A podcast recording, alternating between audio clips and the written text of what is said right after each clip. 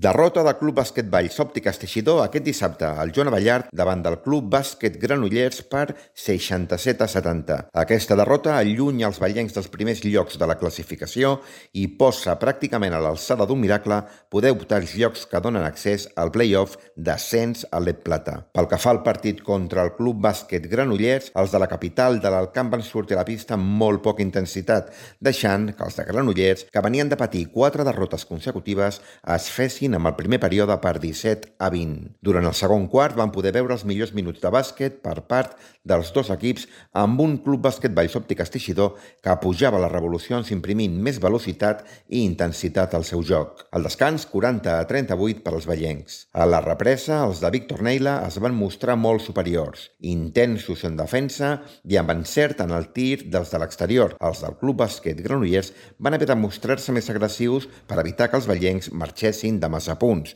la qual cosa els va carregar de faltes.